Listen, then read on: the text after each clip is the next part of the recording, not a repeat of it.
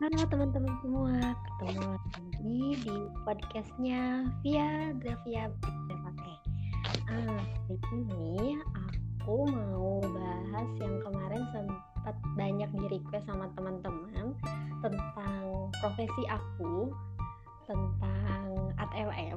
Kalau misalnya kalian ada yang belum tahu ATLM itu apa, ATLM itu singkatan dari Ahli Teknologi Laboratorium Medik.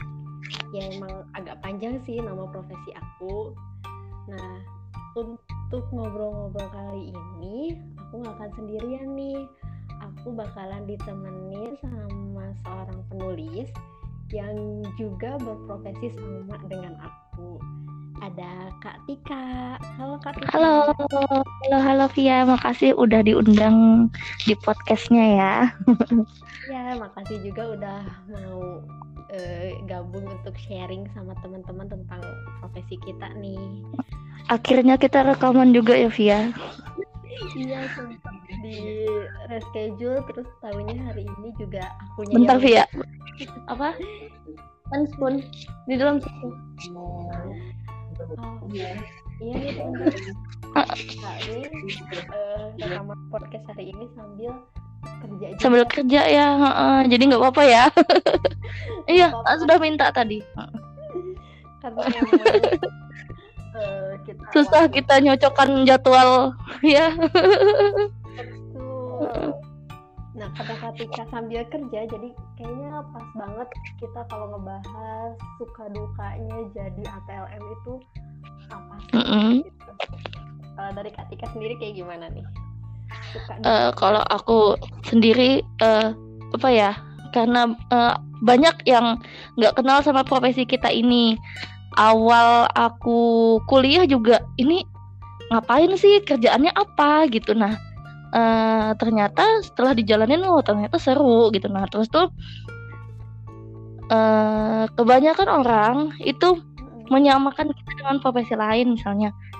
Uh, kadang ada yang nyebutnya dokter ada yang nyebutnya perawat gitu. Padahal kita punya nama profesi sendiri gitu. Dan organisasi profesi sendiri cuma sayangnya masih banyak yang belum tahu gitu. Nah seperti di balik layar lah istilahnya gitu sih emang kerasa juga sama aku. Kadang kalau misalnya uh, bilang oh, kerjanya apa? Kalau dulu kan nama profesi kita itu analis kesehatan ya belum iya analis kesehatan ternyata analis kesehatan kayaknya memang kurang mewakili kita gitu. Orang-orang iya. analis kesehatan tuh semacam dok dokter karena bisa menganalisis gitu.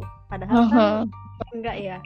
Karena uh. keseringan dulu-dulu juga kalau misalnya memperkenalkan diri aku analis kesehatan nih oh dokter ya? itu? Oh, bukan di bagian lab. Oh bagian lab ronsen ya? Aduh gitu. Kok kayaknya awam banget gitu tapi uh, misalnya kita benar. Uh. ini loh yang bagian cek gula darah. Oh itu uh, yang ya. yang bagian ngambil darah. gitu Uh, uh, ya itu orang-orang pada taunya di di situ gitu nah kalau udah jemputnya anu yang ngambil darah oh ya kadang-kadang disamakan sama oh perawat ya gitu iya. kadang-kadang uh. tapi mungkin ini juga masih apa sih uh, masih jadi PR uh, uh-huh. Waalaikumsalam buat memperkenalkan lagi kita ke orang-orang gitu memang kerasa sama aku sih. Orang-orang tuh banyak yang pakai jasa kita. Dokter-dokter membutuhkan kita tapi uh, pasien nggak tahu kalau ini tuh kerjaannya lab gitu. Yang tahu tuh ini hasil dari kerja yeah. perawat dan dokter gitu. Padahal kita sebagai yeah. penunjang medis kan disebutnya juga gitu menegakkan diagnosa. Uh, benar. Malah malah sebenarnya kita ini uh, kalau yang bahasa sekarang ya yang lagi musim itu garda terdepan. Karena menentukan hasil, menentukan diagnosis ya kan. Uh, dokter dokter tidak mungkin bisa mengobati sebelum mendapat hasil diagnosis dari kita gitu. Iya, Sebenarnya kita cukup penting loh profesinya. Bener banget tapi uh, berkat bukan berkat pandemi sih maksudnya semenjak pandemi ini kayaknya profesi kita tuh lebih yeah kelihatan gitu. Oh agak naik ya? iya gitu kan. Eh, agak naik gitu. Anu, derajatnya agak derajatnya agak naikkan gitu. Kalau ditanya kerja apa? ATLM oh ATLM itu apa? Itu loh yang di lab rumah sakit. Oh yang swab ya? Nah ketahuan sekarang gitu. Ya. Yang keluar hasil positif, positif negatif dari lab ya. Wah kamu hebat gitu. Ya eh. nah gitu. Akhirnya oh kerennya ternyata gitu? Akhirnya aku Mm-mm. mau ya agak ada eh, di bukannya kita mensyukuri adanya pandemi ya tapi di pandemi ini orang lebih mengenal kita gitu. Nah menghargai oh ternyata ada kok ini yang yang memeriksa itu bukan bukan apa sih dokter atau apa tapi ada profesi tertentu yang melakukan hal tersebut gitu. Nah Hmm, jadi agak ya agak kelihatan lah gitu. Nah orang-orang mulai tahu. Tapi dibalik agak kelihatan itu kerjaan kita juga jadi double ya nggak sih gitu tambah banyak dari bener banget biasanya kita nerima cuman pemeriksaan darah, urin gitu kan dan cairan tubuh lainnya. Sekarang kita harus meriksa juga swab yang eh, menurut aku itu hal baru. Karena dulu-dulu tuh sempat belajar tapi memang aku belum pernah melakukan gitu. Mungkin dulu mungkin dulu kalau mis eh, sebelum covid ini ya sempat ada pandemi juga difteri. Oh iya difteri. pengambilannya kurang lebih sama pengambilannya kurang lebih sama kan di tapi dia di- hanya di orofaring nggak di nasofaring kan nggak di nggak lewat hidung gitu. Jadi pengambilannya lewat mulut. Nah itu mirip-mirip sih. Sebenarnya kita udah nggak awam dengan swab ini cuma yang eh, di orofaring ini yang baru gitu nah. Hmm, yang dimasukin eh, yang di hidung lah gitu kan bahasa awamnya swab yang di hidung itu yang ya- yang agak baru untuk aku juga baru Mm-mm. dan aku juga baru pelatihan beberapa waktu lalu itu beberapa bulan yang lalu lah waktu masih awal-awal pandemi itu eh, baru dilatih untuk bisa swab gitu Wah, Katika udah ada pengalaman untuk swab nih. Kalau aku masih pengalaman jadi asistennya aja. Tapi kak, oh gitu udah tapi memang kalau untuk swab ini tuh yang berwenang memang eh, dokter THT. Kalau misalnya profesi kita itu, kalau misalnya mau swab memang harus melalui pelatihan. Jadi nggak bisa sembarangan Ya. ya Kak Tika ya. Ya, benar ada ada tata caranya lah apa yang harus kita lakukan kalau kita kan em, ada etikanya gitu kan ya jadi persiapannya bagaimana tata caranya seperti apa apa yang harus kita katakan sama pasien kalau ingin melakukan tindakan kita butuh persetujuan kalau kita gitu ya sebagai tenaga medis ya Iya. betul.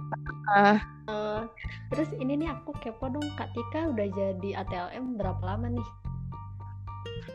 aku lulus kuliah itu 2010 2010. 2010 lulus eh, habis itu sempat magang di lab swasta Hmm.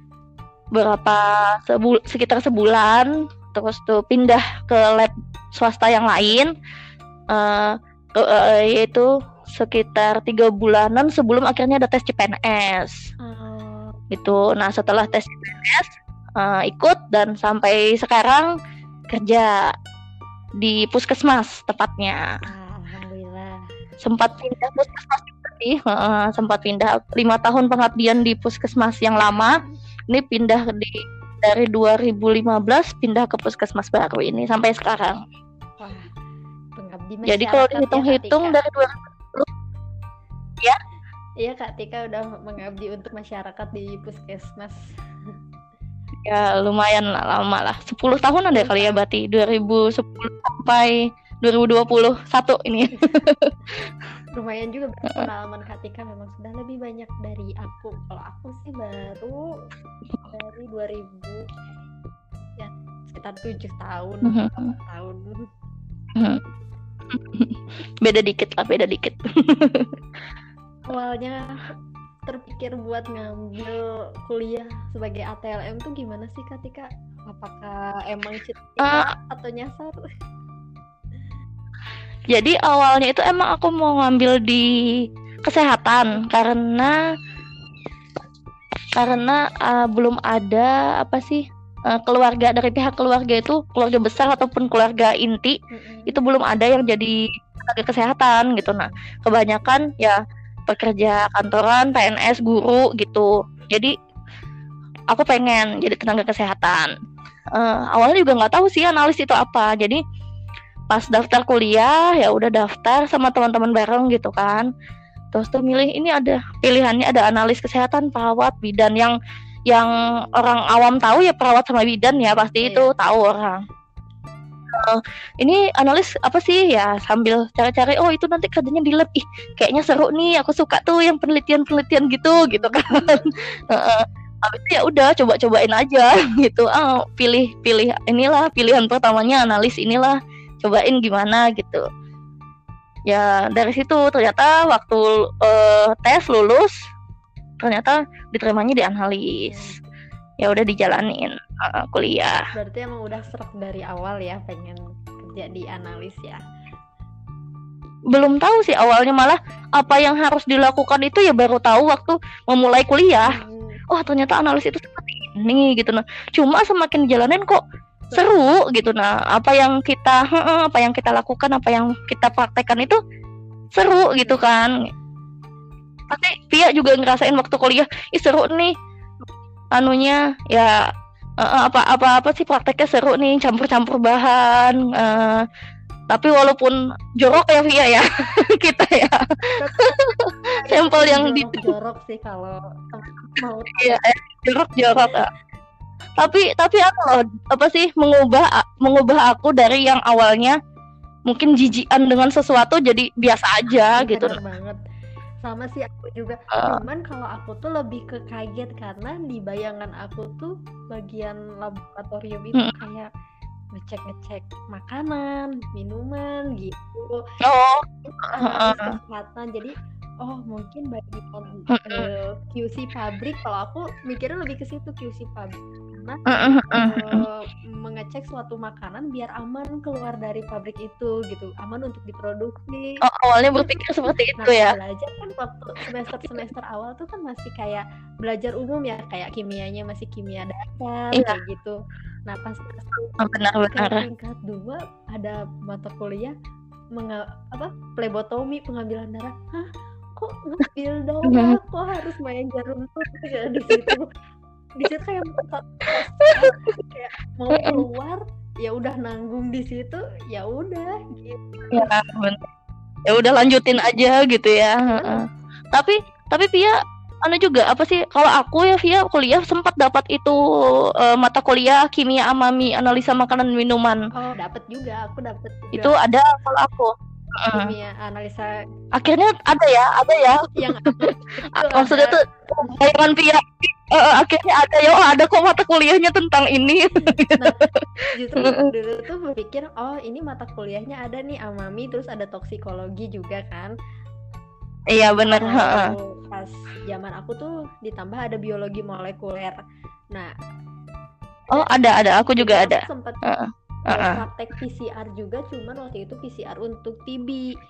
Jadi bukan untuk, untuk oh, tapi lebih untuk ke Iya. Nah, bakteri ya. Aku, aku lebih seneng ketiga hal itu gitu. Terus aku berpikir kalau mm-hmm. misalnya lulus, aku bisa milih-milih kerja ke tiga bagian itu aja nggak usah ke yang lab kliniknya gitu yang aku nggak periksa darah ambil darah gitu tapi ternyata nggak bisa kan karena kalau misalnya untuk ke bagian kayak ke industri atau ke biologi molekuler memang harus pendidikan lagi gitu Iya benar pendidikan ya, lagi.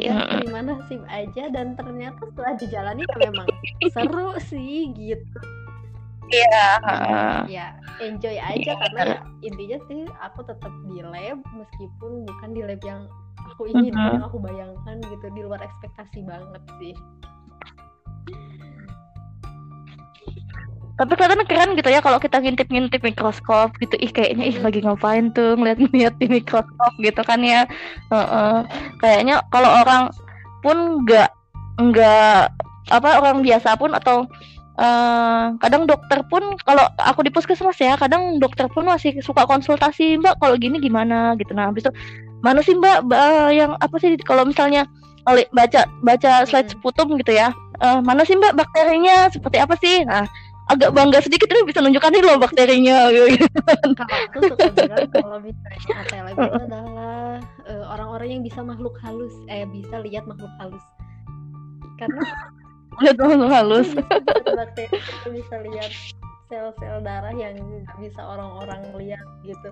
Uh -huh. Kayak ya emang kayak keren gitu bisa uh -huh. mainin mikroskop dan nunjukin sama orang-orang kalau ini loh uh, ada bakterinya, yeah. ini loh sel yang abnormal gitu. Padahal Ya benar. Kalau udah dapat yang abnormal gitu seru ya Vi ya. Uh -uh. Padahal itu sakit gitu kan. Sebenarnya orang itu sakit berarti kan kalau ada sel yang nggak apa abnormal ya, dalam bener. tubuhnya.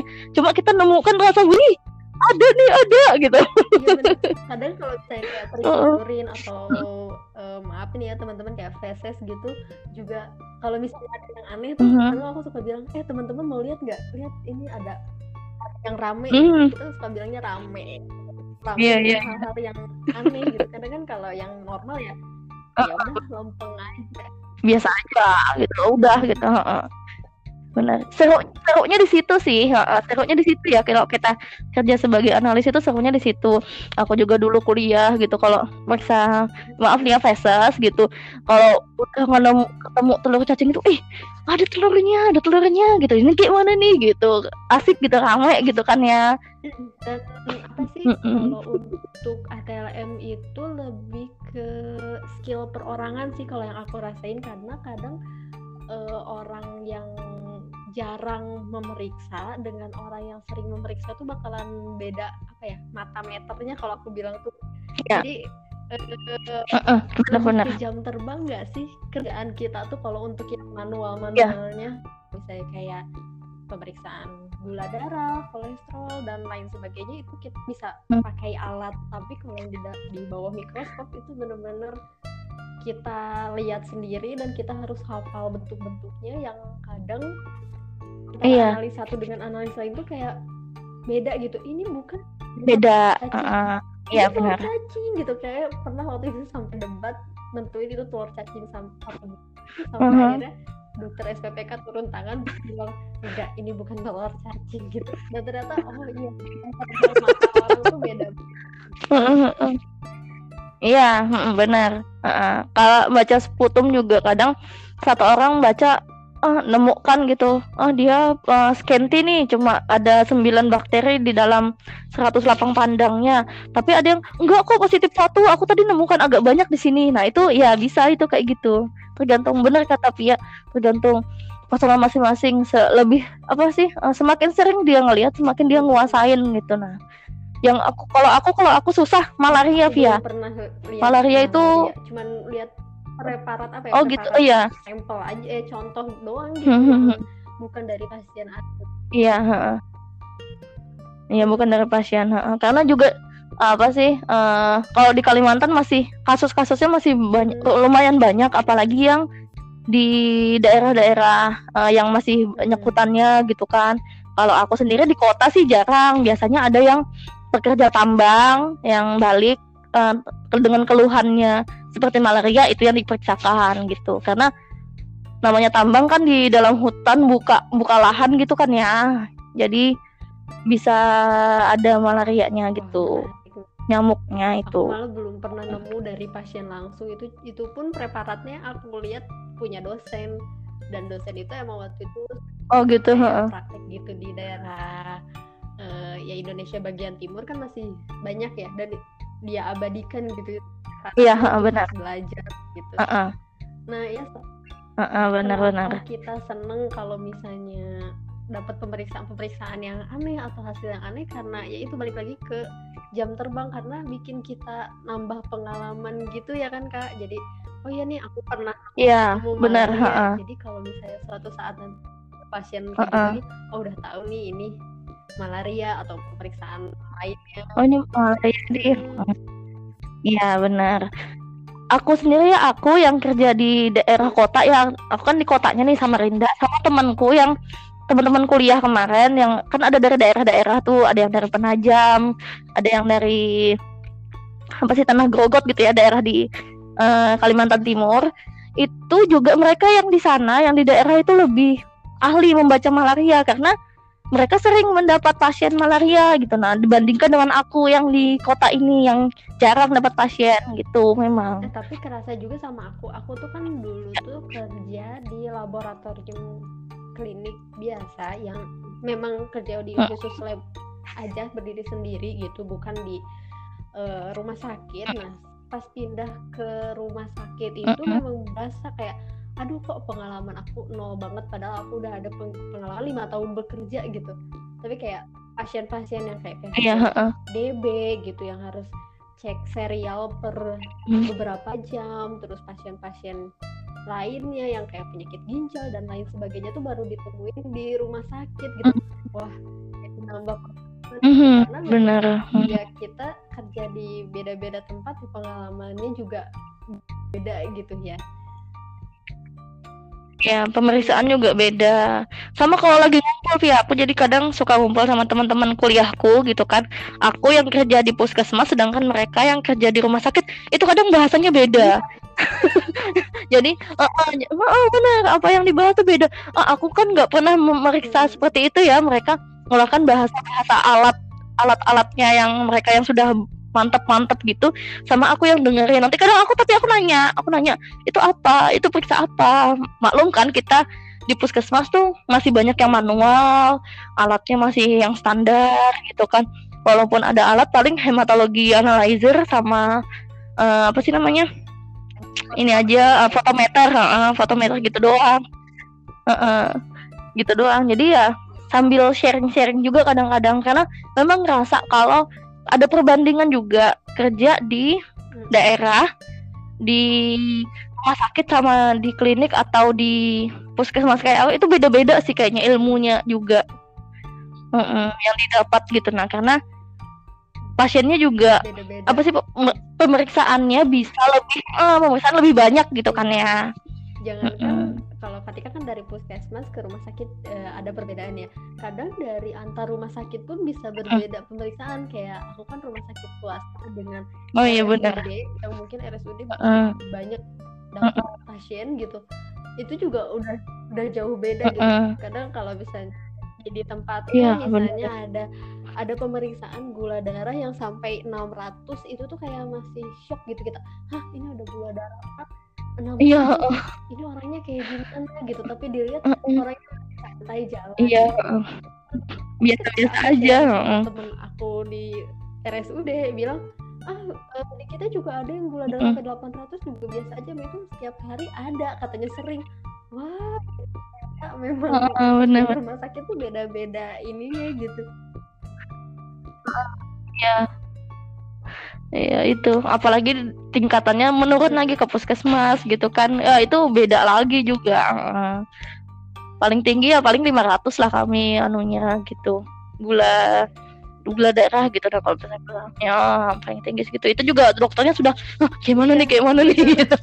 Pasti rujuk di rujuk rujuk gitu kan. Kalang kabut gitu kan pasti. Terus, uh, yang uniknya dari profesi ATLM ya menurut aku ya gitu uh, kita kan ada dokter lagi dokter spesialis yang magang kita itu namanya dokter yeah.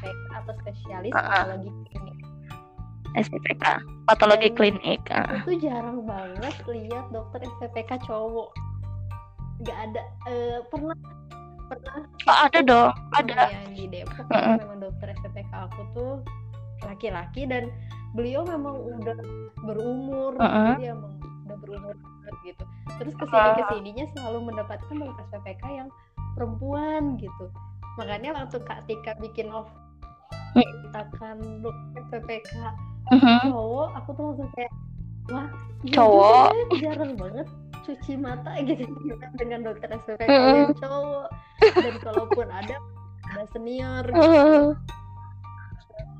Uh-huh. uh-huh. sama sih kayak ya kalau waktu pihak kuliah uh, apa sih perbandingan mahasiswi si cowok sama cewek di kelas Pia juga gimana? Pasti lebih banyak cewek kan? Cowoknya tuh cuma 6 dari kelas tuh 30. Iya, sisanya cewek. uh -uh. Iya, kebanyakan cewek gitu nih. Kat, karena katanya gini, Vi, cewek itu lebih teliti dan di profesi kita ini kan dibutuhkan ketelitian yang tinggi gitu nah. Makanya lebih banyak yang apa sih lebih banyak cewek yang ngambil profesi seperti kita ataupun dokter yang uh, apa spesialis patologi klinik gitu. Tapi ada gitu nah ada cowok apa sih cowoknya ada nggak menutup walaupun perbandingannya mungkin ya jarang atau perbandingan satu banding sepuluh gitu tapi ada, satu ya. kan ada gitu nah. Tetap ada juga oh, aku iseng nanya kan sama dokter SPPK di tempatku kerja uh, waktu aku lagi baca novelnya Katika tuh aku bilang e, dok ini teman dia tuh bikin novel. Uh, dokter SPPK-nya laki.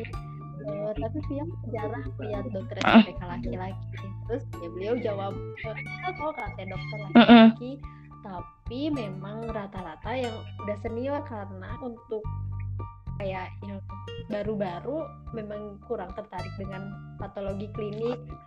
Kenapa banyak perempuan memilih patologi klinik? Karena jam kerjanya lebih fleksibel dibandingkan kayak dokter kandungan misalnya yang tiba-tiba harus on dua malam kira-kira apa gitu. Kalau dokter itu itu mm-hmm. kerja aja dan selebihnya bisa konsultasi lewat yeah. telepon gitu. Nah uh, karena perempuan yeah, uh, Makasih banyak yang pilih karena mungkin kan perempuan itu mengurus rumah tangga. Jadi keluarga bisa kerja iya benar. gitu. Uh, ini juga kata kata beliau katanya ini juga ada nih angkatan-angkatan baru yang masuk katanya buat SPPK uh, cowoknya juga hmm? cuma satu cuma dua katanya gitu. Banyaknya perempuan yeah. gitu, gitu. Uh, karena ini juga sih apa sih uh, kalau cow para cowok itu ya aku jadi ada rekan dokter gitu. Nah yang kemarin dokter umum dia mau ngambil spesialis kan. Jadi uh, nanya-nanya kenapa ngambil itu? Nggak ngambil ini soalnya ya itu mereka senang dengan kesibukan ah, gitu loh. Iya. uh, para cowok ini senang sibuk gitu. Nah senang mereka yang ada apa mem memacu adrenalin itu mereka senang gitu. Kayak misalnya anestesi kan harus mendampingi dokter bedah tuh gitu-gitu. Jadi mereka senang ada adrenalinnya gitu. Kalau dari ceritanya dia sih dari cerita rekan dokterku itu beda, beda ya karena ya emang sih kita kerasa juga kalau misalnya hmm. kerjaan di lab ya nggak berhubungan langsung dengan pasiennya sih tapi lebih ke tekniknya kan dokter iya, uh, kita juga lebih uh, kayak memvalidasi dari hasil kerja kita gitu apakah ini layak hasilnya dikeluarkan atau uh, harus diulang atau harus dirujuk. Itu kan yang menentukan dari dokter SPPK gitu. Bahkan ada dokter di tempat bekerja juga beliau memilih ambil spesialis patologi klinik karena uh, ingin apa ya kayak ingin dibalik aja gitu kerjanya. Tapi ada di balik layar. Ya gitu kayak kita balik layar tapi bisa menegakkan uh, iya uh, dari dokter-dokter gitu. Benar benar. Iya benar oh, benar ya, ya memang di apa Enggak, emang benar juga di di di tempatku sendiri gitu nah uh, apa sih di rumah sakit tempatku bekerja tuh memang dokter yang apa sih banyak kan dokter yang cewek gitu nah kalau teman di temanku di rumah sakit itu banyak kan dokter cewek tapi ada di salah satu rumah sakit juga di sini rumah sakit daerah itu kepala eh, penanggung jawab labnya cowok gitu makanya aku kemarin novel itu berani nih ngambil cowok karena ada, gitu. ya emang ada gitu. Nah kalau nggak ada sama sekali aku nggak bakal berani. Tapi kalau tapi kalau pasti mikir juga. PK cowok di dunia nyata terus masih seganteng dokter yang di novel ya pasti banyak analis yang uh-huh. betah di lab berlama-lama. Uh, sebenarnya nggak ada dokternya pun betah ya kita karena lab itu dingin banget ya Vi lab itu tempat terdingin di seluruh rumah sakit atau klinik Emang, atau kayak aku puskesmas tuh lab itu tempat terdingin gitu. Kadang saking dinginnya kayak harus pakai hmm. aku pernah. Jadi dalamnya tuh pakai jaket, luarnya tuh pakai jas eh pakai jas lab gitu. Mm-hmm. Jadi orang-orang lab. kalau dalamnya tuh aku pakai jaket lagi karena saking dinginnya gitu bahkan pernah aku uh, nyeduh teh teh panas gitu kayak kayaknya tuh kan apalagi kalau di mm-hmm. malam tuh kan mm -hmm. enak banget ya minum yang anget-anget kayak gitu aja seduh iya benar aku diemin uh, uh. kerja karena ada sampel pas balik lagi dinginnya cepet nggak nyampe nggak mm -hmm. nyampe setengah jam itu udah kayak dingin ya ampun aku kan mau mati teh hangat gitu jadi jadi eh teh, teh hangat Iya itu. Jadi alasan kita pakai jas lab bukan hanya untuk melindungi diri ya, Via melindungi diri dari uh, percikan tapi juga untuk menahan dingin. Sebenarnya. itu sensitif dengan suhu ya karena uh, kalau misalnya ya benar. Jadi bukan melindungi orangnya gitu. Bukan supaya orangnya adem nih dalam lab enggak ya Via? enggak tahan kepanasan. Jadi uh, ada ya, alat, benar. alat kimia aku di lab itu kalau misalnya suhunya naik dikit gitu itu langsung bunyi gitu kayak aduh mm -hmm. gerah gitu kayak ada mm -hmm. rasanya kecilin orang-orang keluar kan eh, orang yang gelap juga kan mempengaruhi suhu ya gitu jadi lebih panas gitu. Tapi ya, gitu, kayak agak rewel. Dan mm -hmm. dan kalau misalnya alat apa sih alatnya rewel otomatis hasil pemeriksaannya juga anu ya via apa sih nggak nggak bagus gitu. Nah hasilnya nggak akurat ya jadi Iya, aku tuh pernah dapat protesan seperti itu. Buat apa sih orang lab itu pakai apa sih harus pakai AC itu buat apa gitu. Nah oh ini bukan buat orang labnya tapi buat alat yang ada di dalam lab. Jadi aku tuh meyakinkan seperti itu. Jadi pernah itu di di, apa sih namanya tuh hmm. diomongin gitu diprotes begitu orang lab buat apa sih pakai AC gitu. Yang suhunya apa sih? Kemarin hmm. kebetulan pas pernah pasang dua PK kan di dalam hmm. ruangan lab yang kecil banget ruanganku ini mungkin cuma tiga kali tiga meter aja gitu. Nah AC-nya dua PK gitu kan. Ih eh buat apa itu? gitu. Nah jadi ada yang mempertanyakan seperti itu loh. Ini bukan buat manusianya kita juga pun kita pun nggak tahan gitu. Nah dengan suhu yang sedingin itu manusianya gitu. tapi ini buat alatnya. Kalau alatnya rusak atau kenapa-kenapa perbaikannya otomatis akan lebih mahal. Kalau alatnya juga e, bermasalah otomatis hasil pemeriksaannya kita nggak akurat gitu kan. eh ada teman aku yang pernah bilang kayak gitu mm. e, kalau misalnya analisnya masuk angin gampang tinggal minum paracetamol tolak angin juga sembuh tapi kalau alatnya masuk uh, yang alatnya kegerahan katanya itu bisa tak benerinnya gitu. Dan kerugiannya bakal lebih banyak uh, ya, bener, hasil tertunda uh, kayak gitu. Uh, iya benar iya. kayak jadi ya itu jadi ada alasan alasannya ya Via. Terus salah satu menjadi analis adalah ketika kita dikejar-kejar untuk hasilnya mana? Hasilnya mana gitu. Sering gak sih? Benar benar benar benar itu itu duka banget apalagi? Bentar. Oh ya makasih ya ya. Hati-hati. Nggak ada. Nggak ada ya ya ya sama-sama kasih ya. Oh ya Oh iya oke. Okay. Iya sama-sama. Insyaallah. Ada iklan dulu. Teman. Maaf ya Vi. ada yang uh, kebetulan ada mahasiswa yang penelitian gitu. Jadinya apa sih? Uh, uh, jadi dia nganoin pasien juga gitu. Nah ini pamitan tadi karena udah selesai pelayanan kan, jadi pamit pulang gitu. Makanya agak rame juga di sini. Biar teman-teman juga bisa tahu suasana kerja kita kayak ada denger-denger ya. Suasana di tempat kerja ya gimana gitu ya. Oh ya benar itu. Uh, apalagi kalau misalnya kayak di di rumah sakit atau di klinik gitu Vi pasien itu lebih ini lebih hmm. lebih bisa menunggu gitu. Nah uh, hasilnya besok kembali gitu kan.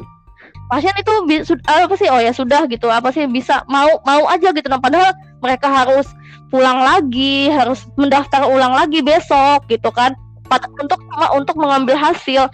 Nah kalau di puskesmas pasien bisa ngintip-ngintip profi. Jadi kalau kita duduk gitu kan misalnya ngeliatin mikroskop kan gitu baca baca hasil. Ada yang periksa UL gitu kan misalnya. Uh, otomatis kan nanti kita ngeliat di mikroskop itu dikira kita lagi santai-santai. Itu lihat mikroskop masih disangka santai-santai ya. Nah di tempat aku kerja juga kayak gitu. Iya benar aku kerja tuh pintunya dari kaca gitu. Jadi pasien tuh bisa melihat ke dalam. Uh, uh. dan eh, tempat Lihat, uh. kan rumah sakit swasta. Kalau rumah sakit swasta kan tiap pasien kayak pasien itu adalah raja gitu. Jadi kalau misalnya dijanjikan hasil satu iya jam, benar-benar 45 menit mereka udah nanya hasilnya Uh-huh. nggak ada mbak ya Allah baru juga gitu terus misalnya, eh, Oh, misalnya baru juga. perlu proses yang nggak langsung kita asal periksa kayak pertama Mm-mm. periksa kimia Mm-mm, kayak benar. kolesterol gula darah kita harus centrifuge dulu Mhm. Mm, Centrifuge dulu darahnya itu ditunggu dulu darah harus di centrifuge Uh-uh. dulu itu sekitar 10 menit otomatis ada 10 menit Uh. jeda untuk aku nggak ngapa-ngapain lah gitu duduk-duduk ya duduk benar ngeliatin ha. hasil yang sudah selesai kan terus orang tuh kayak ngeliatin ngeliatin Iya, benar-benar. "Ah, nggak kerja ya gitu cuman duduk-duduk gitu ya ampun duduk-duduk santai ketik-ketik gitu main Kayak HP gitu Aku kan ada pemeriksaan rapid antibody COVID ya. Dan rapid antibody itu eh Yap, resepnya nah. cuma ditetesin terus kita tunggu 15 menit sampai keluar garis hasil. Nah, itu kan Yap. cuma berarti cuma kerja kita cuma Yap. ditetesin, kita tunggu gitu. Nah, pasien tuh kayak tunggu "Mbak, hasilnya Eh, udah, Mbak. ya Mbak, benar Hasilnya udah. Mbak, oh, mohon maaf di 20 menit. Benar, benar. Lebihin 5 menit untuk dan lain-lainnya gitu kan. Ah, benar Oh, kata Heeh. cuma cuma lima menit beres, benar, kayak gitu gitu ya Allah bapak gitu Hmm, itu baru sampel baru datang aja udah ditanya hasilnya Ah, udah ada. ya ampun aku kan bukan saya yang bisa lihat. Iya benar Iya benar kadang-kadang iya kadang kadang-kadang rekan kerja sendiri loh Vi. Eh, walau kayak maksudnya yang gitu beda ya. profesi gitu ya. Hasilnya sudah ada bentar-bentar Ah, ya kayak bentar-bentar ya. Aku terawang dulu. Kadang aku jawabnya begitu. Saking saking eh, keselnya gitu nah nggak sabar banget sih. Jadi nggak kita tuh baca Hmm. hasil nggak semudah itu. Ada proses. Iya. memang dalam ada menunggu ya Via. Nah menunggu itu masa kita mau kita liatin? terus gitu itu cuma kita cuma colokin ke alat keluar hasil eh, hasil dari KB hematokrit Hmm. leukostrobosit tapi kan kalau Mm. Heeh, udah langsung gitu. menit lah gitu. Tapi kalau misalnya hasilnya abnormal, kayak misalnya trombosit, Ya, kita ulang terus dan Kita ulang, ulang dengan manual gitu, otomatis ada apa? ya benar. kita harus dipakai Kita gitu, ulang. cuman alat colokin ke alat keluar hasil gitu. Mm. Eh, kadang tuh kalau saya hasilnya mana sih lama banget kan cuma Mm-mm, ini benar, sekali hemarutin kadang dijelasin iya ini hemarutin aja tapi eh, hasil positnya misalnya tinggi banget atau rendah banget kita kan harus lihat secara manual takutnya Mm-mm. alatnya yang error atau gimana gitu Iya benar. ya Mm-mm. masih tetap ditagih-tagih gitu udah Mm-mm. dijelasin kayak gitu aja Iya, jadi aku pernah sempat kayak gini sama pasien. Jadi waktu belum masa pandemi ya, jadi pasien masih banyak-banyak ya berobat ke puskesmas gitu kan. Dan kadang dokter di poli, Hmm. ah rujuk ke lab, rujuk ke lab gitu kan. Jadi otomatis pasien bertumpuk di depan gitu kan sih. Mm, jadi Mbak masih lama ke hasilnya, Mbak masih lama ke hasilnya. Mereka selalu bertanya-tanya seperti itu. Kalau aku sudah eh, kena yang Hmm. keselnya gitu pak bapak sama pa- sama yang lain hitung aja berapa orang gitu. Saya di dalam sini cuma berdua pak yang ngejain punya bapak semua. Itu juga ibu ini pasien apa sih tiga pemeriksaan ibu em, bapak ini lima pemeriksaan gitu gitu kan gitu. Nah jadi akhirnya ada ada yang ngerti oh iya sih gitu. Nah oh iya juga ya gitu. Nah Nah, apalagi kayak ibu hamil gitu kan. Ibu hamil itu nggak mungkin apa sih pemeriksaan dikit. Paling sedikit itu lima lima parameter pemeriksaan. Dan lima limanya itu harus dikerjakan kan Vi? Ha. kadang ya itu uh, ngirim sampel eh apa sih namanya tuh jadi satu pasien itu nggak cuma kadang satu pemeriksaan kan bisa ada yang dua tiga lima gitu kan. Itu yang orang nggak ngerti gitu. Nah bahwa untuk mengerjakan ini ini butuh waktu. Dan memang kita ada masa menunggu namanya inkubasi gitu-gitu kan nah ada menunggu menunggu hasilnya keluar nah itu memang kita Hmm. gunakan untuk duduk untuk Nah, ya ada ngobrol gitu kan Heeh. Ya. Heeh, ya ketik hasil gitu. catat di buku register gitu Ya, kan kadang Nah, juga pasien nggak pahamnya tapi orang tuh kadang atau bukan hanya pasien sih kayak rekan-rekan Ya. kerja kita juga nggak pahamnya kayak misalnya ini kan pemeriksaan eh, hematologi atau petikan apa itu cuma sebentar gitu kayak cuma 10 menit. Tapi ketika pasien Mm-mm. atau sampel kita banyak itu Mm-mm. nggak akan jadi 10 menit. Jadi kita kan mengerjakan satu persatu ya gitu. Memang dari satu sampelnya 10 menit. Ya, kalau misalnya kita kumpulin ada 5 kan berarti jadi 50 menit gitu. Makanya kenapa kalau menjanjikan hmm, betul. Oh ini pemeriksaan berapa lama? Oh ini sekitar 1 jam gitu tapi bisa eh, 30 menit Iya, gitu. benar-benar. Kan kita juga nggak tahan-tahan kita langsung kasihkan Mm, kita langsung keluar eh, langsung kita keluar eh, waktu hasilnya benar gitu kita ya. kita bisa kasih estimasi gitu ter- waktu terlama gitu waktu terlama pemeriksaan gitu kan takutnya ya itu kayak tadi eh, sampelnya abnormal kita harus ngulang lagi gitu kan ngulang pemeriksaannya lagi. Apalagi secara manual dan manual itu bukan bukan waktu yang sebentar beda sama pakai alat gitu. Kita udah nunggunya nunggu dia ngendap nunggu ini nunggu itu. Habis itu lihat lagi di mikroskop ngitung satu-satu. Itu satu-satu ya anu ya? Selnya dihitung satu per satu misalnya hasil apa itu sepuluh ribu misalnya. Dan kita tuh memang dilihat satu per satu gitu harus pakai satu per satu kita hitung satu per satu itu cuma nanti memang dikalikan ya Via. Dikalikan 10.000. berapa untuk dapat hasil eh leukositnya gitu. Untuk asal dapat hasil nih segitu. Kalau emang hasilnya mendekatin kita berani ngeluarkan gitu ya Iya. Via Itu dihitung itu. untuk ngitungnya itu kan nggak waktu yang sebentar gitu. Kalau selnya sedikit mungkin kita bisa cepet ya bacanya gitu. Oh ya sedikit. Tapi kalau sel sel yang udah banyak banget kayak leukosit yang abnormal yang ada 30 ribu atau 50 ribu ah, itu tuh Mhm. lama banget di bawah mikroskop gitu kayak Mhm. kayak orang-orang berjejer banyak. mana mana Apalagi trombosit ya, Vi. Apalagi memilah memilah trombosit di antara iya. jutaan eritrosit gitu. Kalau manual uh, itu harus diputar-putar mikroskopnya. Ya namanya anak kan masih belum tahu jenis mm -hmm. sel gitu kan. Terus uh, trombosit yang mm -hmm, mm -hmm 50 ribu tapi dibaca sama aku tuh ada 200 ribu. Terus dosennya kaget. Apa? Itu titik-titik oh. itu sih kan kamu baca. Katanya coba katanya lihat lagi. Yang katanya dimainin. Pokoknya itu tuh ada yang uh. dan cahaya ya mikronya. Apa mikro? Oh, ya. bercahayanya tapi lama-lama uh, kalau udah sering tuh oh itu trombosit gitu. Mm, ya ya tahu gitu dan kadang mm. ada kotoran ya Via perbandingan eh, dengan kotoran. Ya ada kotoran. Kita nggak tahu namanya debu partikel-partikel kecil itu kan kadang bisa nempel walaupun kita sudah bersihin gitu kan ya.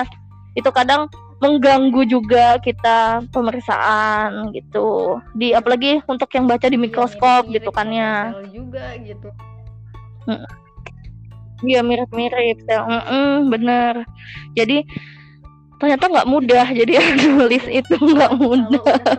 sampel rusak kayak lisis Hmm. beku leukemik. Oh iya bener. Ya ngambil lagi. Mm, kalau di tempat kerja kan di rumah sakit yang ngambil darah itu Ambil perawat lagi. ya. Kan, kan kalau ada sampel rusak. Itu Mhm. ini harus dijelasin lagi kan. Mm-mm. susah kalau mau minta sampel baru gitu ya. Tadi langsung bla bla bla bla. Kayak banyak hal yang bisa mempengaruhi Mhm. sampel rusak itu kan. Dari mulai pengambilan atau memang kondisi pasiennya gitu kan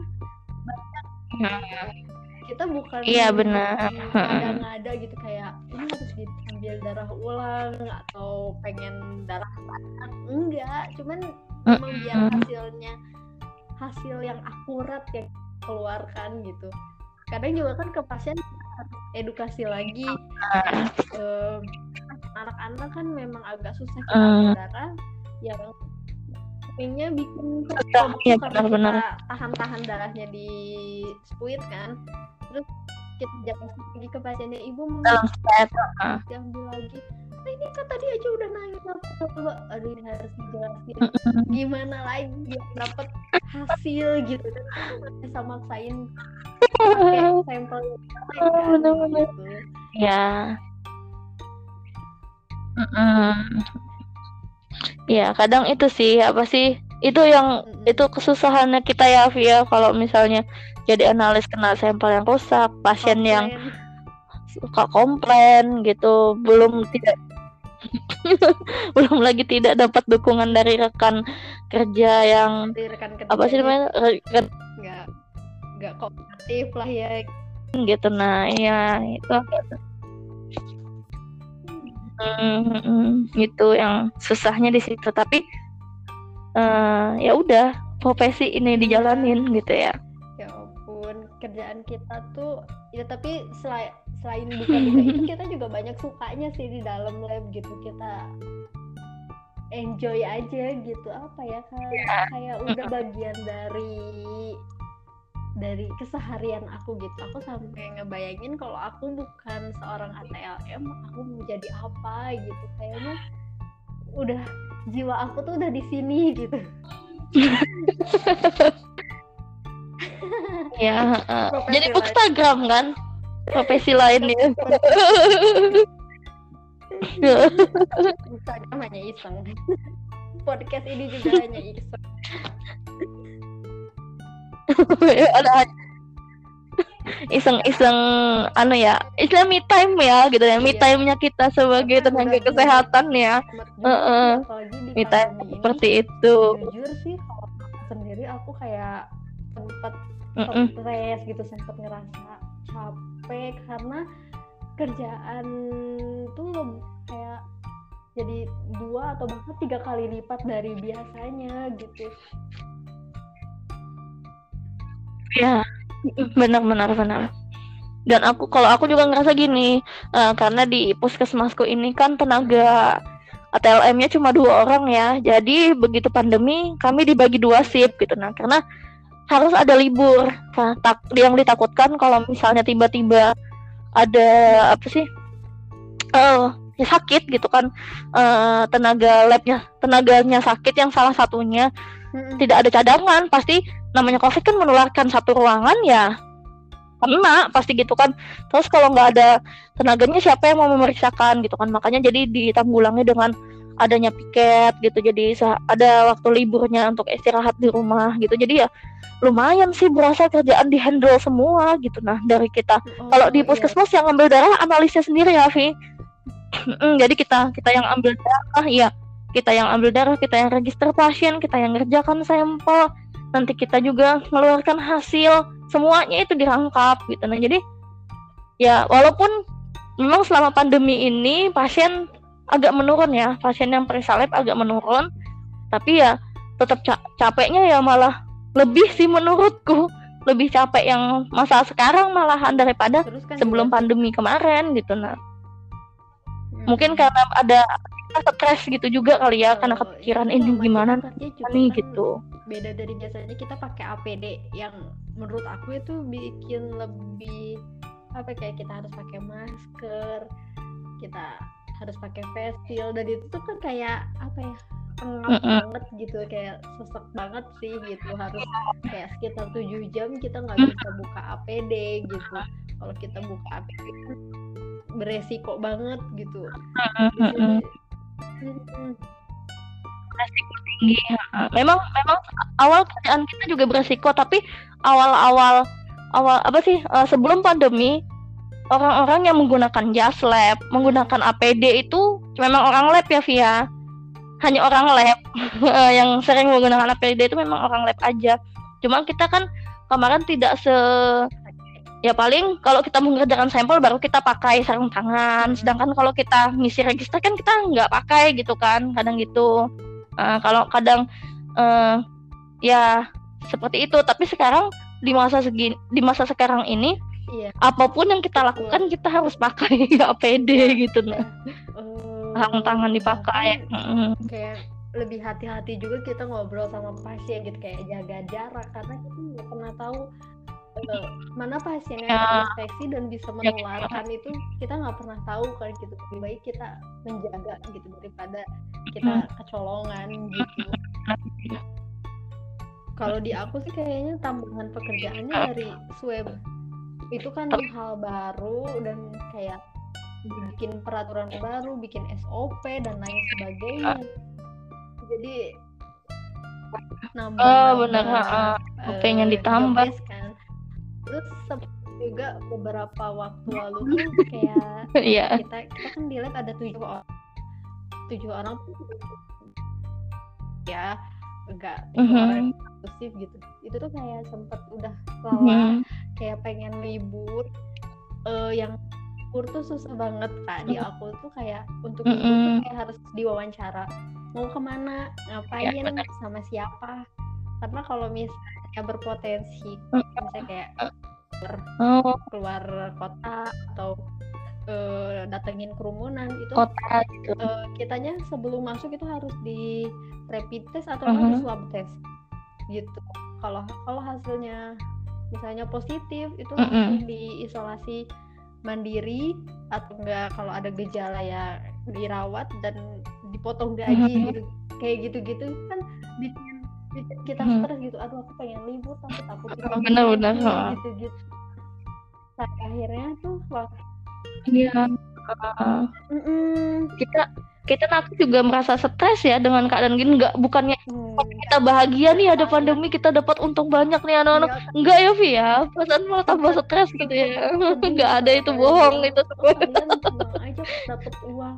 Ya Allah gitu sini deh sini cek rekening aku. Mana iya. uang yang masuk dari uang kopi itu mana gitu. Sampai aduh ngomong tuh nggak dipikir gitu. Padahal udah capek banget yang sempet tuh sampai dikasih kan. Jadi ya udah masing-masing cuti cuti cuti cuti. Dan itu tuh cuma cuti satu hari dan memang benar-benar dipakai buat di rumah aja yang tidur seharian. Itu tuh enak banget gitu. gitu ya. Benar apa ya kayak suka kesel sama orang yang uh, iya. uh, pergi keluar nongkrong nongkrong tapi nggak pakai protokol kesehatan gitu kayak hmm, pengen gantian gitu. Aku pengen juga main-main kayak gitu lagi kayak dulu ih gitu kan. Iya. Tapi kita merasa bertanggung jawab gitu ya karena pekerjaan kita nakes gitu kan. Kita mau begitu mau bodoh amat begitu juga rasanya hati nggak anu ya Via? Rasanya hati ih ya aku nggak nggak mau lah begitu gitu. Nah karena kita sendiri pun takut menularkan gitu.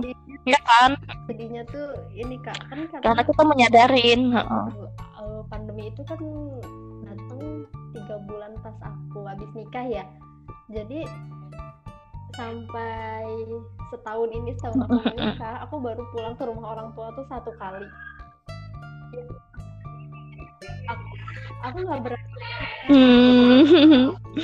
Uh, di di tempatku dan di tempat orang tuaku tuh masuk zona merah di Bandung. Nggak mungkin juga kan keluar saling mengunjungi gitu. Kayak hmm, gitu.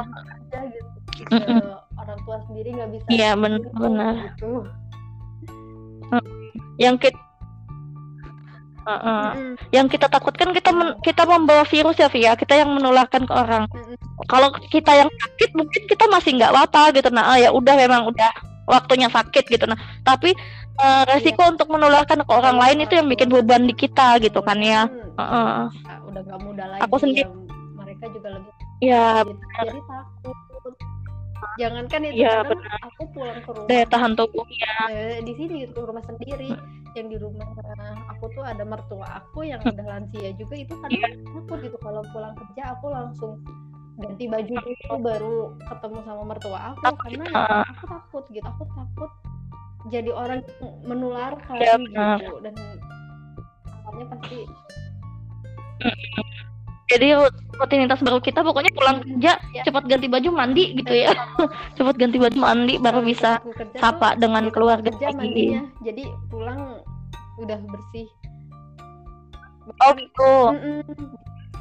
Udah bersih. kita nggak pakai seragam yang dipakai di rumah sakit gitu jadi mulai dari pokoknya dari ujung kepala sampai ujung kaki Mm. kita pulang tuh beda gitu seragam tuh benar-benar disimpan di rumah sakit yang nggak kita bawa pulang Eh, heeh. kayak untuk menghindari aja sih untuk menjaga. Karena ya kita udah menjaga aja. Beberapa temanku juga ada yang kena gitu. Apalagi dengan orang yang nggak menjaga. Ya nggak sih kak? Hmm. halo Katika. Sepertinya Katika hilang ke mana ya Katika Terus kayaknya Halo Katika.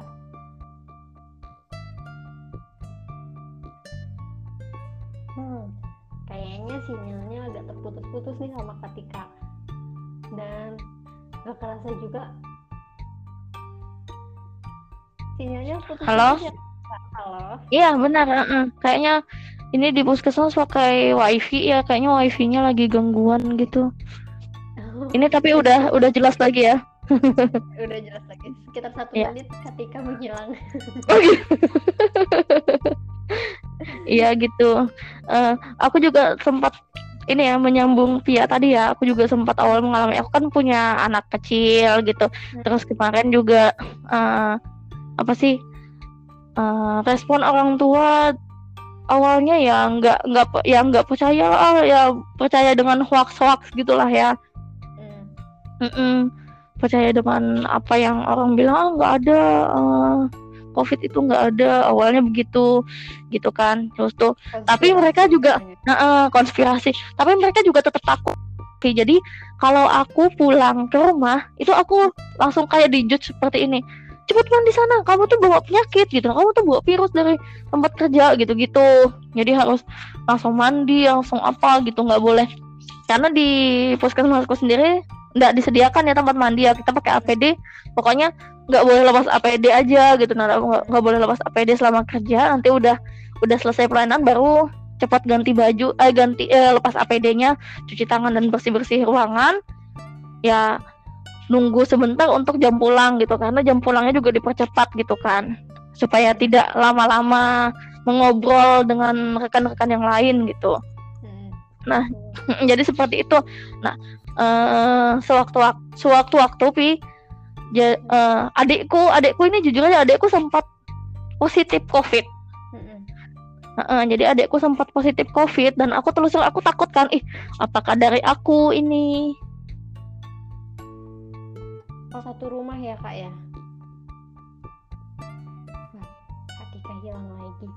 Ya emang kadang ka- Heeh, dari orang lain ternyata dia tertularnya gitu nah, bukan dari aku dan beberapa rekan kerjaku di puskesmas itu juga ada yang positif, tapi rata-rata tertularnya dengan dari entah dari suaminya, entah dari eh, adiknya atau ibu.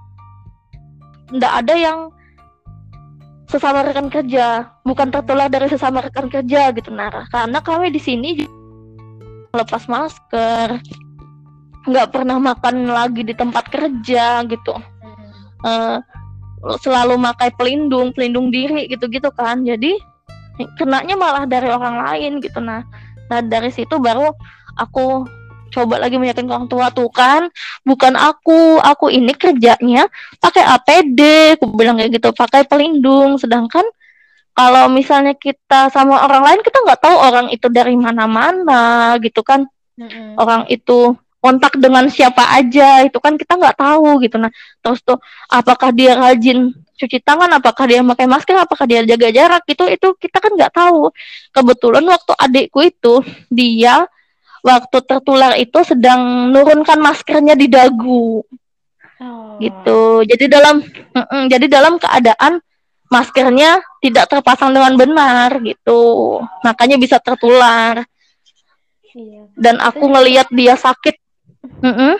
sekarang kita juga kan ke mana-mana bukan hanya kerja cuman ke warung aja kayak kayaknya tuh pakai masker tuh udah keharusan gitu. Rutinitas uh, bener-bener. Soalnya kita nggak pernah tahu siapa yang tertular atau siapa yang menularkan gitu. Ya benar kebetulan juga ini yang menularkan adikku itu dia OTG jadi dia nggak sakit. Hmm.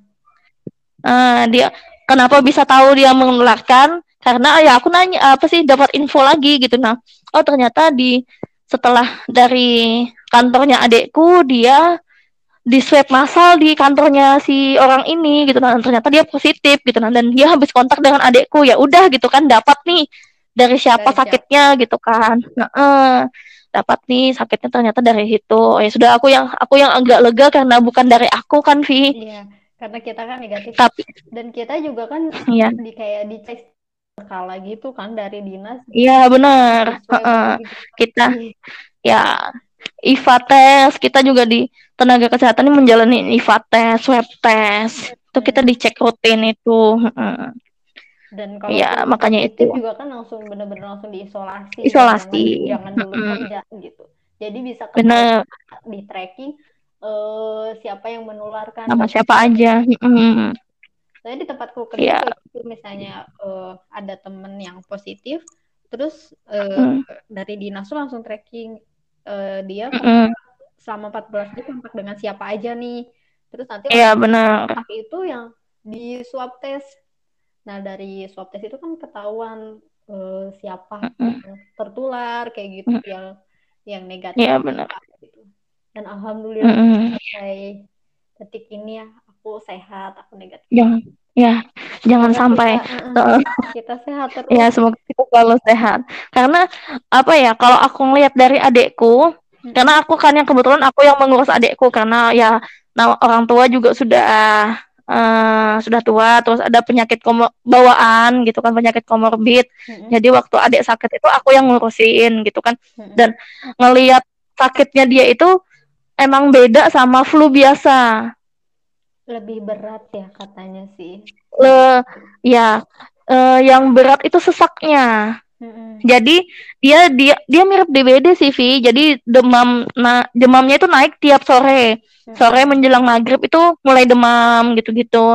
Nah dan ini yang spesifiknya juga tuh yang indera pencium penciuman menghilang terus tuh. Heeh, ya bener itu adekku karena dia ngerasain betul seperti itu. Indera penciuman penciuman menghilang, indera perasa juga nggak ada nggak ada terasa gitu. Hmm. Dan sesak sesaknya itu katanya kayak kita habis lari keliling lapangan udah capek gitu kan ngos-ngosan nih kan lari keliling lapangan tuh ngos-ngosan terus dada kita ditekan dengan kuat kata katanya rasa sesaknya seperti itu Gak kebayang pasti sakit banget sih itu.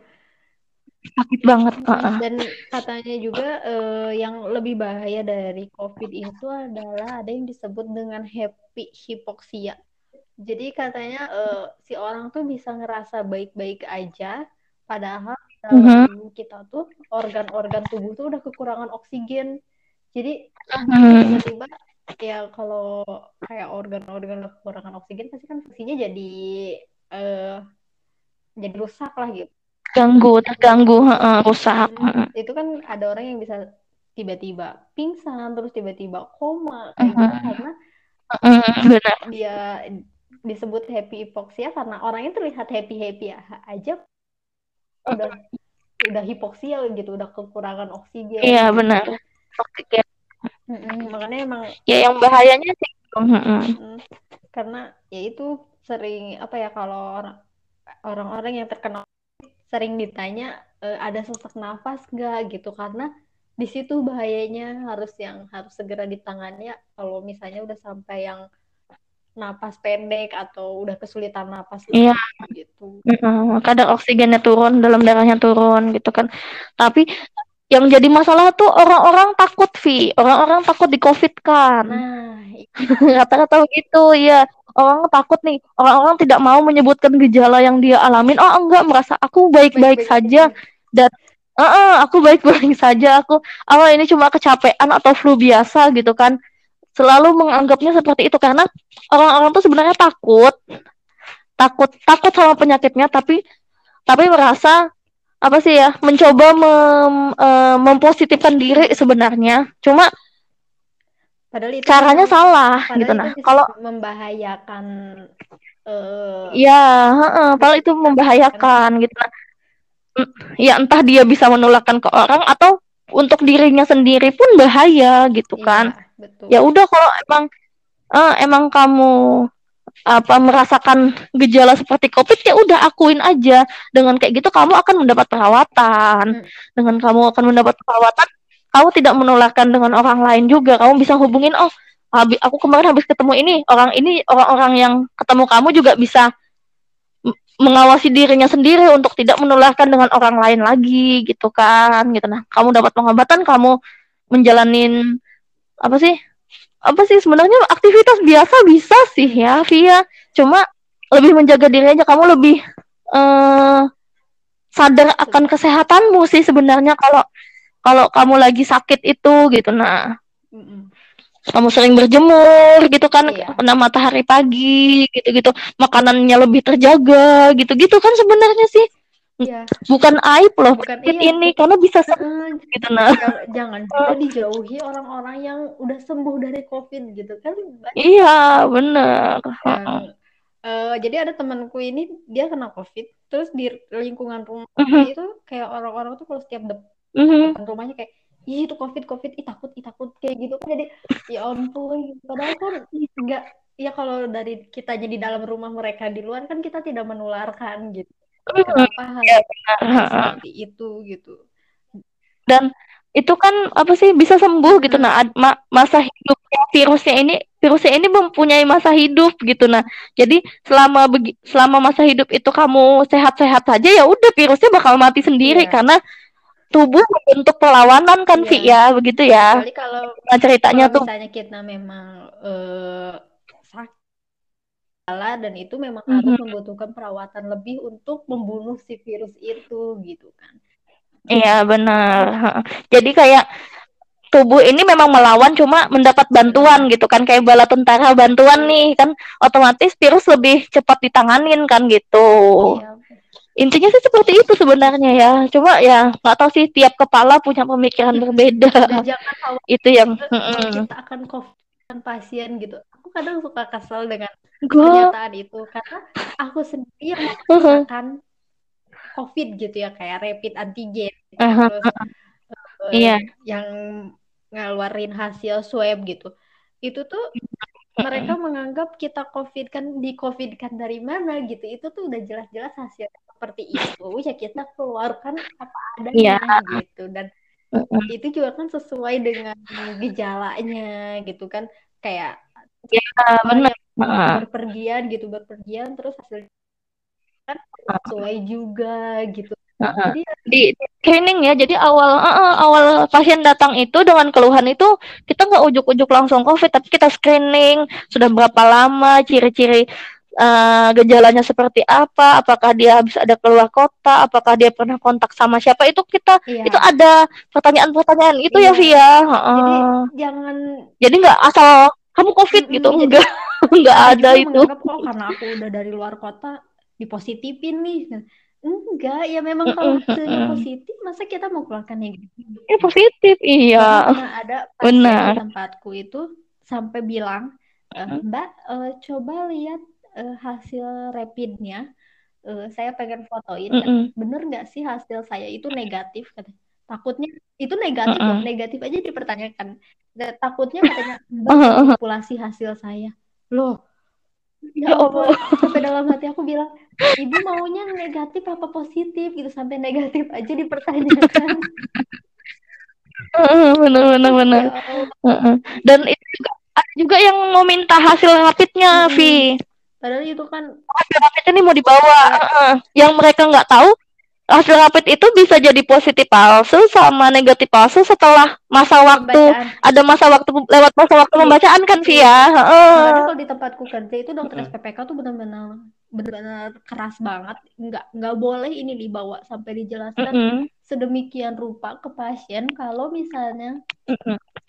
waktu baca COVID itu hanya 15 menit sebelum atau Betul. sesudah 15 menit itu hasil eh, nggak uh, akurat dan nggak bisa dibaca gitu.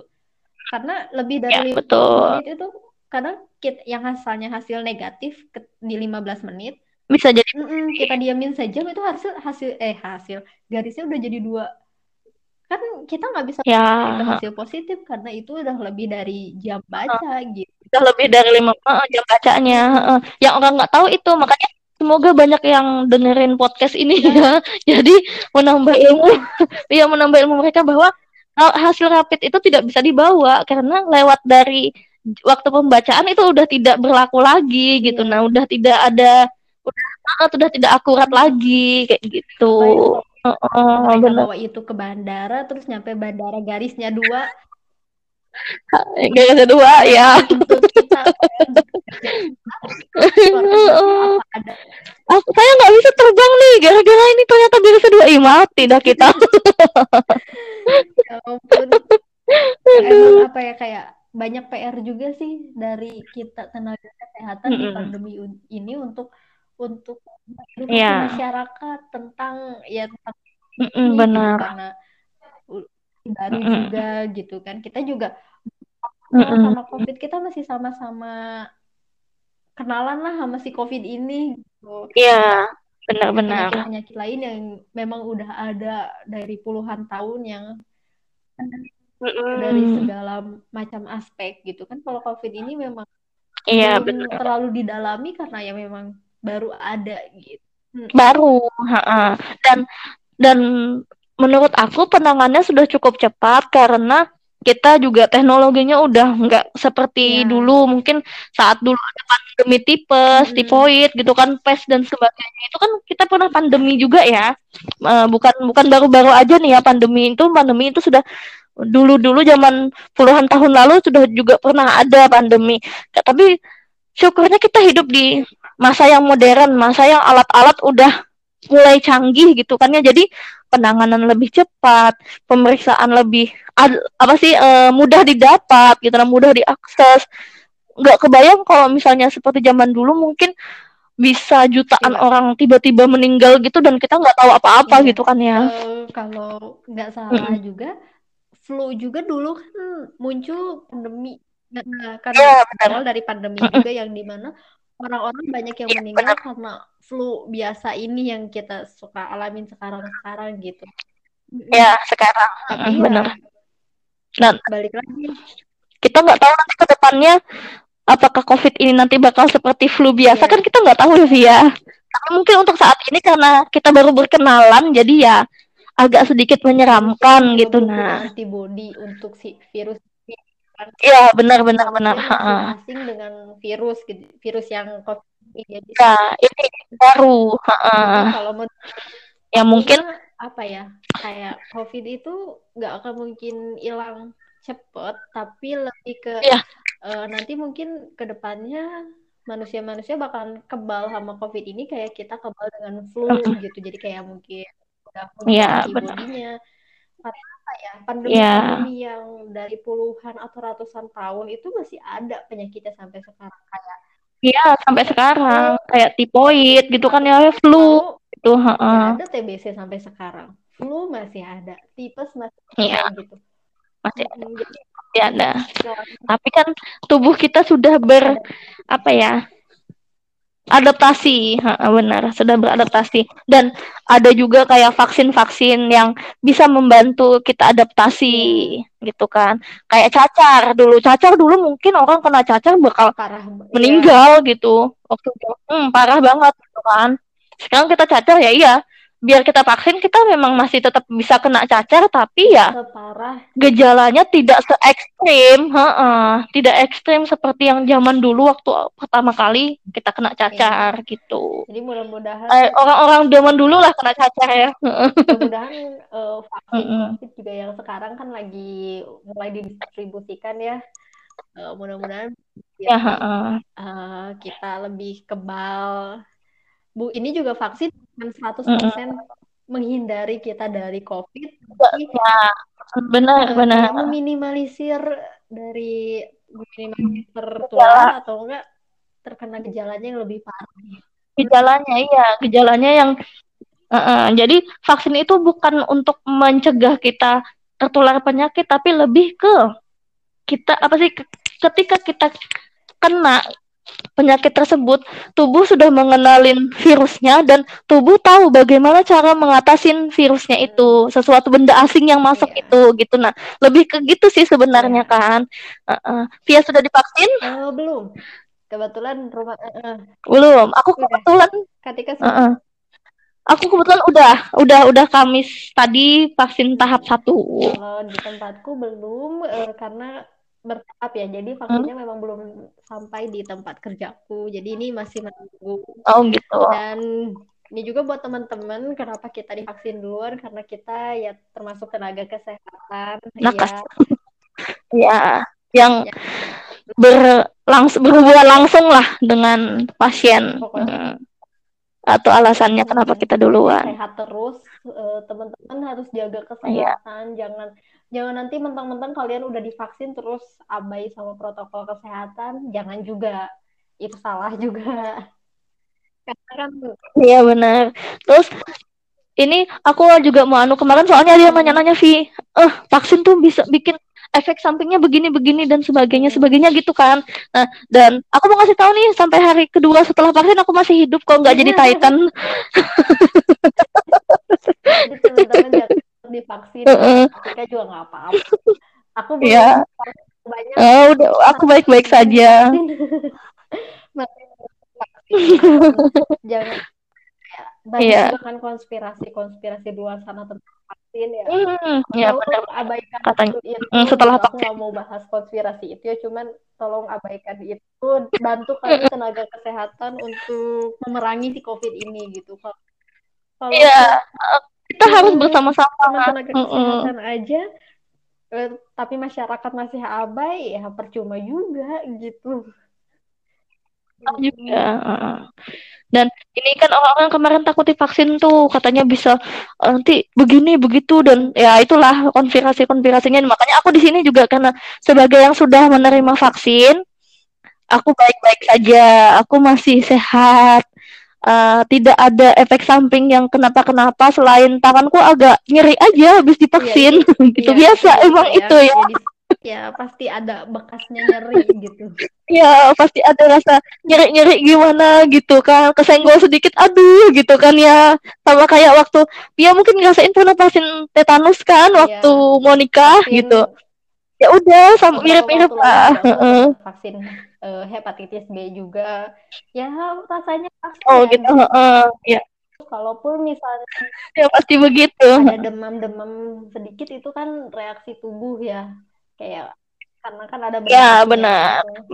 malah malah harusnya malah harusnya kalian berbangga kalau ada demam itu. Karena apa? Oh pasien apa uh, vaksin ini bekerja. Iya tubuh uh, tubuh lagi tubuh lagi menganalisis nih siapa ini yang masuk ke dalam tubuh ini. Uh, gitu. Tubuh lagi memprosesnya uh, benar. Memang ya uh, ada mungkin ada beberapa kondisi orang yang ketika divaksin gejalanya parah tapi kan itu nggak semua menjadi seperti itu. Ada ya nggak semua benar. bisa uh, jadi lebih parah. Mungkin ada penyakit komorbid atau lainnya gitu kan yang kita harus analisis lagi. Gitu. Mungkin mungkin dia belum makan nah, waktu mau iya. vaksin gitu. Iya. sedikit aja nggak boleh vaksin. Nggak boleh. Jadi ini juga di screening sih untuk vaksin COVID ini kemarin ada screening juga jadi orang yang sudah pernah terpapar COVID itu tidak divaksin. Yeah. Orang yang punya uh, yang minum obat tertentu juga tidak divaksin, orang yang punya komorbid tidak divaksin. Jadi ini tuh orang yang benar-benar sehat dulu gitu nah, yang iya. divaksin. Iya, gitu. Ya, ini juga masih baru ya, jadi Lebih, kita belum tahu efek seperti apa. Iya. Uh, uh, karena kan efikasinya itu efikasi itu penelitiannya penelitiannya masih yeah. kepada orang yang sehat gitu. Nah nanti mungkin ke depan akan diteliti lagi untuk uh, dosisnya mungkin ya yang diperendah untuk orang yang punya penyakit tertentu untuk orang yang sudah lansia gitu. Itu mungkin dosisnya bakal berbeda gitu. Harus makanya sementara juga yang sehat dulu. hasil-hasil penelitian lainnya tentang covid ini karena ya iya. nggak mudah loh gitu. Apa bener. Itu kan juga mudah kita nggak bisa langsung uji coba ke manusianya langsung. Gitu. Ya uh, benar pokoknya kita harus sabar dulu. Sabar dulu. Gitu. jangan terlalu percaya. Boleh mungkin kita boleh percaya teori konspirasi cuma jangan terlalu yang terbawa suasana dengan Sampai teori kita itu. abai uh, sekitar gitu kan ya ada ruginya kita menjaga Hmm. karena dengan kita menjaga kita juga men- menjaga lingkungan sekitar gitu menjaga orang-orang terdekat kita gitu. Ya gimana kalau misalnya orang terdekat kita yang kena gitu nah kan? Rasanya itu uh, kita pasti ada rasa sesal apa? Jangan sampai itu apa sih? Jangan sampai hal Iya. itu kejadian duluan gitu nah. Kalau bisa sebelumnya tuh dicegah gitu. Mm-mm. Anu Kofi eh, apa ya mungkin konsistensinya vaksin COVID kemarin itu nggak lebih kental daripada kalau vaksin hepatitis mungkin agak kental ya cairannya ya karena aku ngerasa begitu disuntikan itu nggak ada rasanya yang Nggak terlalu nyeri gimana ya. gitu Vi Heeh. nggak terlalu nyeri heeh. cuma ya habis itu ya karena namanya cairan dimasukkan ke dalam tubuh gitu kan jadi terasa ya dia masuk ke pembuluh darah dan ke jaringan otot itu ya terasa cenut-cenut itu iya ada gitu. Nah cuma nggak lebih sakit sih daripada vaksin hepatitis sama TT nggak lebih sakit. Ya aku belum mencoba jadi mungkin ini sedikit bayangan juga buat aku nanti kalau aku divaksin. Ya jadi jadi kamu nggak terlalu yang aduh kak kita sendiri walaupun kita tenaga kesehatan kadang-kadang kita Iya. disuntik takut juga gitu ya Iya. Heeh, ada Kita- ketakutan sendiri gitu. Kita yuk tahan nafas ayo relax. Kayak digigit semut gitu ya. bentar bentar bentar. Bentar ya bentar. Bentar ya bentar ya gitu. Bener-bener sama ini Vi kemarin aku ada juga eh ngeliat gitu kan orang-orang. Ah itu yang disuntikan tuh bukan bukan anu tuh bukan vaksin tuh itu vitamin tuh vitamin C gitu. Gitu-gitu ada juga yang ber apa sih namanya tuh mengatakan hal seperti itu kan. Dan aku pikir mereka tahu nggak sih kalau vitamin itu disuntikannya via Iya. apa gitu? Nah lewat lewat lewat bagian tubuh yang mana gitu. Nah itu eh, orang-orang kayaknya harus tahu juga deh gitu. Iya kalau kalau vitamin kan biasanya lewat vena ya. Kalau ini kan lewat iya heeh. Otot heeh. jadi beda vaksin sama vitamin itu beda mas jalan, masuknya beda gitu kalau kalian mau suntik vitamin juga silahkan nggak apa-apa itu juga bagus kan ya Hmm, nggak apa-apa cuma jalan masuknya Iya. aja yang beda gitu sama suntik suntik vaksin gitu Iya.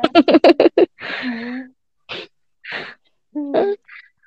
Heeh, makanya aduh ini banyak banget pokoknya itu apa sih orang yang ter eh, apa sih terikut dengan teori seperti ini teori seperti itu sebenarnya kalau aku mikir sih karena mereka iya. sebenarnya takut mereka takut tapi eh, eh, berusaha untuk Nggak. meyakinkan diri ah nggak ada apa-apa karena ya eh, karena ketakutan itu sebenarnya mereka ingin berpositif thinking sih sebenarnya Vi cuma Iya. Caranya salah Iya. nggak nggak boleh juga seperti itu gitu nah nggak boleh juga abai gitu kan Gak kerasa kita Hmm. ngobrol udah lama banget loh Katika.